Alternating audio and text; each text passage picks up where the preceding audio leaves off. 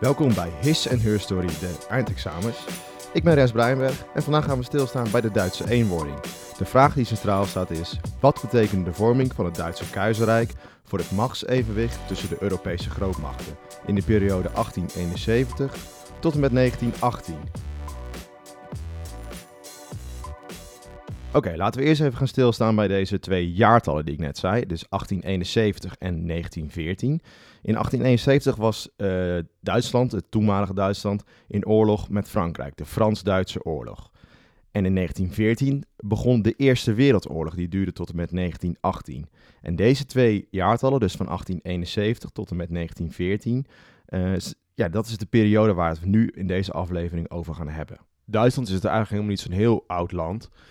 Uh, want tot aan 1871 bestond het uit allerlei staten. Dus waren er echt enorm veel. En de grootste staat was Pruisen. En de kanselier van Pruisen was Otto van Bismarck. En deze van Bismarck had maar één taak in zijn leven. En dat was het verenigen van Duitsland. De, Duitsland, de Duitse staten hadden wel een gedeelde geschiedenis, dezelfde taal en eigenlijk ook dus, dus dezelfde cultuur, maar waren nog, nog steeds niet één land. Deze Otto van Bismarck dacht dat oorlogsvoering een goede manier was om het eenheidsgevoel in de Duitse staten te bewerkstelligen. Uh, in 1876 sluiten dan de noordelijke staten zich samen onder leiding van Pruisen. En dat was eigenlijk tot grote afschuw van Frankrijk en uh, Oostenrijk-Hongarije en Rusland. Dit waren grote machtsblokken in Europa en die zagen opeens nu midden in Europa een nieuw groot machtsblok ontstaan. En vooral Frankrijk liet zich uiteindelijk verleiden tot een oorlog. In 1870 start dan de Frans-Duitse oorlog die meteen al glorieuze overwinningen opleverde voor de noordelijke Duitse staten. En deze overwinningen uh, ontwikkelden een soort nationaal gevoel en dit versnelde dus de ontwikkeling naar één Duitsland. Uiteindelijk is de oorlog in 1871 voorbij en om zout in de wonden te strooien van de Fransen uh, verenigde de noordelijke Duitse staten zich tot het Duitse keizerrijk in het Franse Versailles. Dus op, op het Franse gebied is de Duitse staat gesticht. En later sluiten hier de zuidelijke Duitse staten zich ook bij aan en is in 1871 Duitse eenwording een feit en is er een nieuw land ontstaan. Willem I wordt benoemd tot keizer en Bismarck is dan de eerste rijkskanselier. En dat betekent eigenlijk dat Willem I de koning was van Duitsland en Bismarck de eerste, ja, laten we zeggen, een soort van minister-president in die tijd. Otto van Bismarck was natuurlijk erg tevreden met deze eenwording, want dit was zijn uh, grote doel. Maar het had ook hele grote gevolgen voor Duitsland, vooral op economisch gebied. Uh, je hebt dan uh, in die tijd industrialisatie in West-Europa, dus er ontstaan heel veel fabrieken. En door de eenwording gaat het eigenlijk alleen maar steeds, beter met de economie, omdat ze ook beter kunnen samenwerken. Oftewel, we zien een hele vrolijke van, Bi van. Maar hij zag ook wel in dat hij omringd was door verschillende grote machtsblokken. En daarom was zijn buitenlandse beleid of zijn buitenlandse politiek ook erg gericht op het vormen van allianties met deze omliggende landen. En een goed voorbeeld van deze tactiek is de conferentie van Berlijn van 1884 tot en met 1885. Op deze conferentie besloten de Europese landen over de verdeling van het continent Afrika. alle Europese landen hadden, of veel Europese landen hadden gebiedjes in Afrika waar ze koloniën hadden en grondstoffen vandaan haalden. En op de conferentie van Berlijn besloten ze over de precieze verdeling van deze landen. En de landen hebben echt daadwerkelijk met een lineaal de grenzen getekend. Dus als je nu ook kijkt naar de kaart van het continent Afrika, zie je ook echt vooral in Noord-Afrika en Midden-Afrika rechte grenzen. En dat is uh, op die conferentie tot stand gekomen. Voor Van Bismarck was deze conferentie erg belangrijk om het machtsevenwicht in uh, Europa te handhaven. En dat betekende dat hij ervoor zorgde dat Engeland en Frankrijk ongeveer evenveel gebieden kregen, zodat hij als, hij als nieuwe Duitse staat hen ten, vriend hield. Maar uh, hij zorgde er ook voor dat Duitsland als nieuwe staat dat gebieden toegewezen kreeg.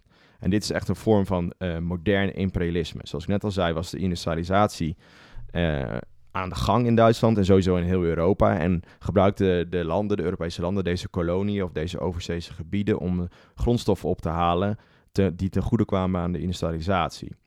Maar aan de andere kant uh, waren deze gebieden er niet enkel voor economische redenen, maar ook voor aanzien. Binnen Europa was het belangrijk dat je liet zien dat je heel veel gebieden had en ook deze gebieden kon beheersen. En daarom was het ook zo belangrijk voor Otto van Bismarck dat hij in, tijdens die conferentie van Berlijn enkele uh, landen kreeg toegewezen in Afrika. Maar dan breekt er een hele nieuwe periode aan voor het nog maar jonge Duitsland. In 1888 overlijdt keizer Willem I en hij wordt opgevolgd door keizer Willem II. En deze keizer voert een hele andere buitenlandse politiek dan uh, Otto van Bismarck. hij is ook echt een keizer die zich gaat bemoeien met de politiek. Dit in tegenstelling tot zijn uh, voorganger. En zoals ik net al zei, was Bismarck juist bezig met het vormen van allianties. Daarentegen was deze keizer juist bezig met het uitbreiden van, het macht, van de macht van Duitsland. En dit botst heel erg met Van Bismarck, waardoor Van Bismarck, ook ontslagen wordt. En Willem II had zich als doel gesteld om met deze welpolitiek het Duitse Rijk een overzees imperialistisch rijk te maken. En hij maakte ook echt jacht op koloniën. En dit deed hij onder andere door uh, de Vlootwet. En dit is belangrijk om te onthouden. In 1898 bedenkt hij deze wet, of stelt hij deze wet in, om te zorgen dat de Duitse marine zich enorm kan uitbreiden. En door deze uitbreiding is er een groeiende angst van uh, de, de, andere machtsblokken in Europa. Dus Frankrijk, Rusland en Engeland maken zich zorgen om deze uh, militaristische uitbreidingen van het Rijk. En daardoor sluiten Frankrijk en Rusland en Engeland een militair uh, bondgenootschap, de Triple Entente. En Groot-Brittannië verzet zich openlijk tegen de koloniale politiek van de Duitsers. Maar eigenlijk slaat deze koloniale politiek helemaal niet aan. Hè? Dus de Willem II wilde juist overzeese gebieden veroveren, maar dat lukte niet echt. En daardoor ging, ging hij zich steeds meer richten op gebieden binnen Europa. Hij, gaat een bondgenootschap aan met Duitsland of met Oostenrijk, Hongarije. En gaat zich veel meer richten op de politiek van Europa. En in diezelfde periode is er ook een groeiend nationalisme in Europa. Hè? Dus we, zijn, we, zien, net al dat Duitsland een land is geworden. En ook in andere gebieden en andere regio's is er een gevoel van een nationale eenheid ontstaan. En een goed voorbeeld hiervan is Servië, wat toen hoorde bij, de, hoorde bij Oostenrijk en Hongarije, maar juist steeds sterker het gevoel kreeg van wij zijn één land, wij zijn Servië, we horen niet bij uh, Oostenrijk en Hongarije. En tegelijkertijd zie je ook dat toenemende militarisme, wat ik net al zei met deze vlootwet, en er staat ook echt een wapenwetloop kijken wie als eerste kan vliegen, wie de snelste vliegtuigen heeft, de grootste kanonnen, de grootste geweren, de beste geweren, et cetera, et cetera. En het, dan wordt in 1914 de kroonprins van Oostenrijk-Hongarije in Sarajevo vermoord door, wat ik net al zei, waar ik net over had, de Servische nationalist. En ik zei net al dat Oostenrijk-Hongarije een bondgenootschap had met Duitsland. En Duitsland ging zich meteen bemoeien en verklaarde ook de oorlog aan Servië. En dit was één grote kettingreactie door de bond van, alle, allerlei bondgenootschappen. Dus Duitsland verklaarde de oorlog aan Servië samen met Oostenrijk-Hongarije. Wat weer betekende dat alle Europese landen met elkaar in oorlog raakten. En zo is de Eerste Wereldoorlog een feit. En deze Eerste Wereldoorlog was een oorlog tussen de centrale Duits, Duitse keizerrijk, Oostenrijk-Hongarije, het Ottomaanse Rijk en Bulgarije tegenover de geallieerden. Dat is dan Rusland, Frankrijk, Groot-Brittannië. Vanaf 1915 gaat Italië zich ook mee bemoeien en uiteindelijk vanaf 1917 ook de Verenigde Staten.